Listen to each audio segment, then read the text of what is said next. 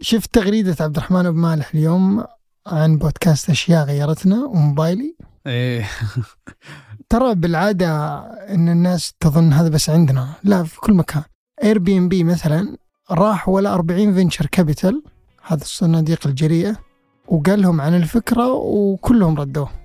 والحين Airbnb عنده غرف أكثر من أكبر سلسلة فنادق في العالم. فأحيانا الفرص ما حد يقدر يشوفها. هذا بودكاست الفجر من ثمانية بودكاست فجر كل يوم نسترد لكم فيه سياق الأخبار اللي تهمكم. معكم أنا فارس فرزان. وأنا تركي القحطاني الخبر الأول اليوم عن تنبؤات بانتهاء العصر الذهبي لشركة تسلا للسيارات الكهربائية. وفي الخبر الثاني مشروع الدرعية خامس المشاريع الكبرى صندوق الاستثمارات العامة في السعودية.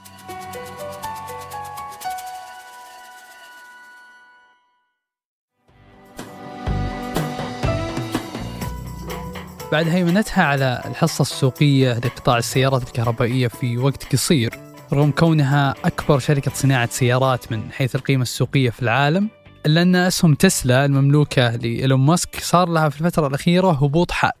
بحسب صحيفة الفاينانشال تايمز أن انخفاض أسهم تسلا واللي بدأ في نهاية 2022 شبهوه بانهيار جبل جليد فحصة الشركة في السوق صارت 65% بس مع نهاية 2022 بعد ما كانت 79% في 2020 وهي السنة اللي شهدت ذروة النمو لشركة تسلا. وعموما فإن الشركة تشهد في الآونة الأخيرة تغيير عميق في أدائها. وهذا الشيء سبب قلق متزايد للمستثمرين فيها. فتسلا تواجه مشكلات متراكمة خلال آخر سنتين منها صعوبة أنهم يأخذون عملاء جدد خصوصا بعد افتتاح مصانع جديدة في تكساس في أمريكا وبراندبورغ في ألمانيا. وهذه المشاكل تتزامن مع زيادة في العرض وتراجع بالطلب في السوق العالمي. وكذلك تتزامن مع زيادة المنافسين من شركات السيارات الكهربائية. هذه الظروف خلت الشركة الحين بموقف صعب ويوصف بأنه ممكن يكون بداية انتهاء العصر الذهبي لتسلا. فوش هي خفايا تراجع أشهر شركة سيارات كهربائية في العالم ومين هم المنافسين الجدد لتسلا؟ رغم أن 2022 كان عام صعب على كل شركات السيارات الكهربائية باعتبار أن شركات كبيرة مثل جنرال موتورز وفورد شهدت أسهمها انخفاض بنسبة 40% كذلك شركات ناشئة مثل ريفيان ولوسيد بنسبة 80% لأنه كان عام استثنائي لشركة تسلا كونها الشركة الأكبر من الحصة السوقية في هذا القطاع. فرغم أن الشركة تشكل 65% من مبيعات السوق الأمريكي إلا أن هذه النسبة تتراجع أكثر مع دخول منافسين جدد. شركات مثل مرسيدس بنز وبي إم دبليو وشيفرلي وهونداي وفورد وكيا دخلت المنافسة بقوة وبدأت تاخذ حصة أكبر من السوق. وتقول التقارير أن شركة فورد تحتل حاليا المرتبة الثانية في السوق الأمريكي بعد تسلا بحصة نسبتها 7% تيجي بعدها شركة كيا بحصة نسبتها 5% ومن بعدهم شوفرلي وهونداي بنسبة 4% هذا الشيء يتزامن مع دخول الصينيين كمنافسين شرسين مع سيارات تسلا. هذه المنافسة القوية تلعب اليوم دور في تراجع شركة تسلا ولكن مو بس هذا هو السبب الوحيد. فضعف الطلب وتراجع المبيعات يلعب دور كبير في تراجع أداء الشركة بشكل عام خصوصا في الصين اللي تعتبر ثاني أكبر سوق لتسلا. وحتى تواجه تسلا هذه التحديات الجديدة قررت الشهر اللي راح أنها تسوي تخفيضات في أسعار سياراتها في أمريكا. وخفضت هالأسبوع أسعارها في الصين. وهذا التخفيض يعتبر الثاني على التوالي في فترة ما تتجاوز ثلاثة شهور. تزامن هذه التخفيضات مع دخول منافسين أقوياء في السوق الصيني مثل مرسيدس بنز بورش. كذلك شركة السيارات الكهربائية بي واي دي المدعومة من وارن بافيت. في المقابل يساهم التضخم وارتفاع أسعار الفائدة في زيادة تكاليف أسعار السيارات الكهربائية.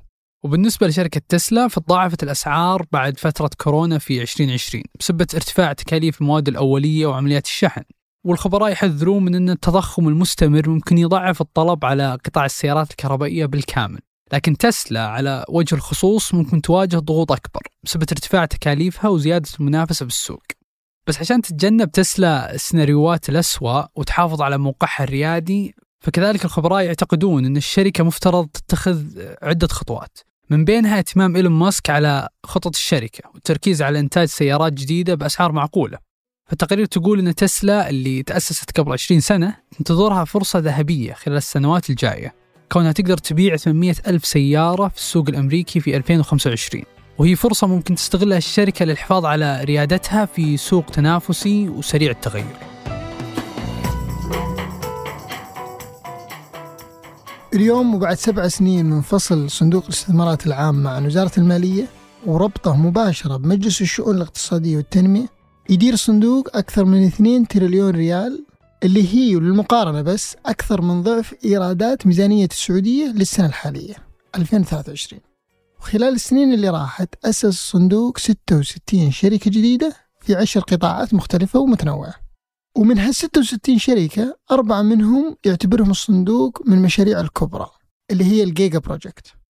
سمو الأمير كان يتكلم على موجود فكرة نيوم موجود القدية موجود ال Red Sea موجود روشن.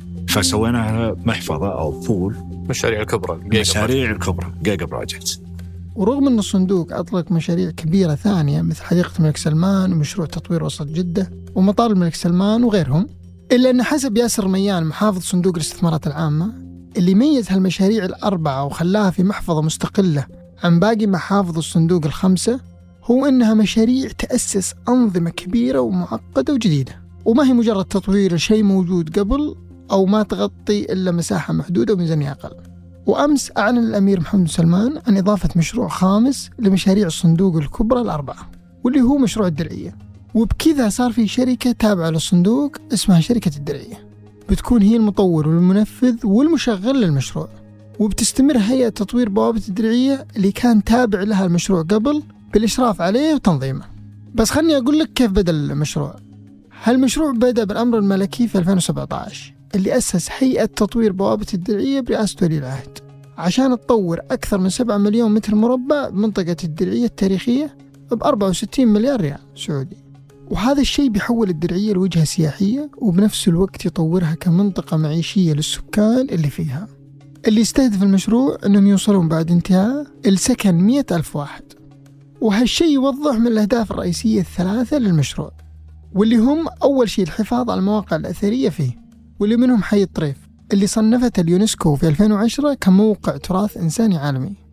والهدف الثاني تحسين معيشة السكان وجودة الحياة فيه وزيادة الوظائف لسكانه واللي بتتجاوز يوم ينتهي المشروع أكثر من 55 ألف فرصة وظيفية. طبعا مباشرة أو غير مباشرة.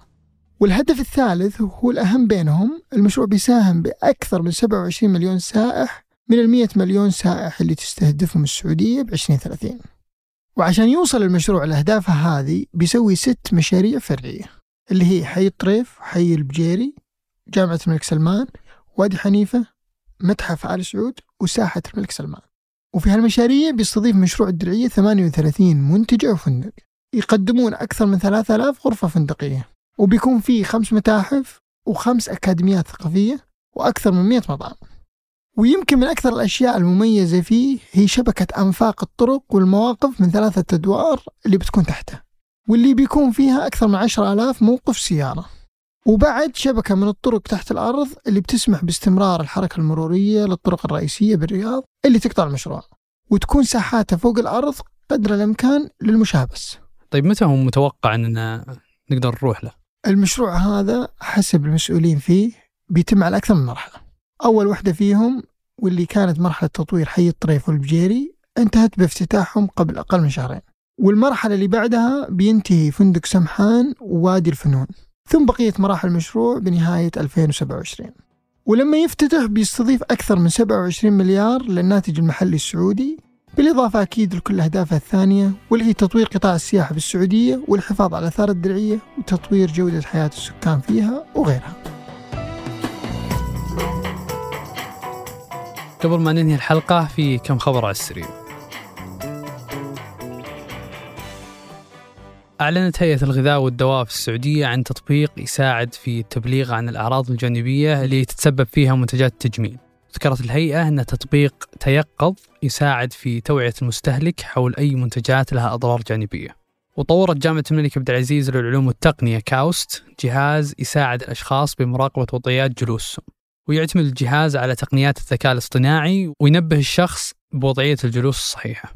والعالم حاليا يشهد تقنية جديدة تحول النفايات البلاستيكية وثاني أكسيد الكربون لوقود مستدام. ومنتجات مفيدة ممكن تستخدم في بعض الصناعات.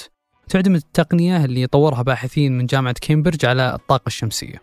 وأعلن وزير الحج والعمرة توفيق الربيعة أن السعودية بتستقبل ابتداء من هذه السنة الحجاج والمعتمرين بدون قيود أو شروط. وذكر أن الأعداد المسموح فيها بتكون مثل ما كانت قبل فترة الجائحة في 2020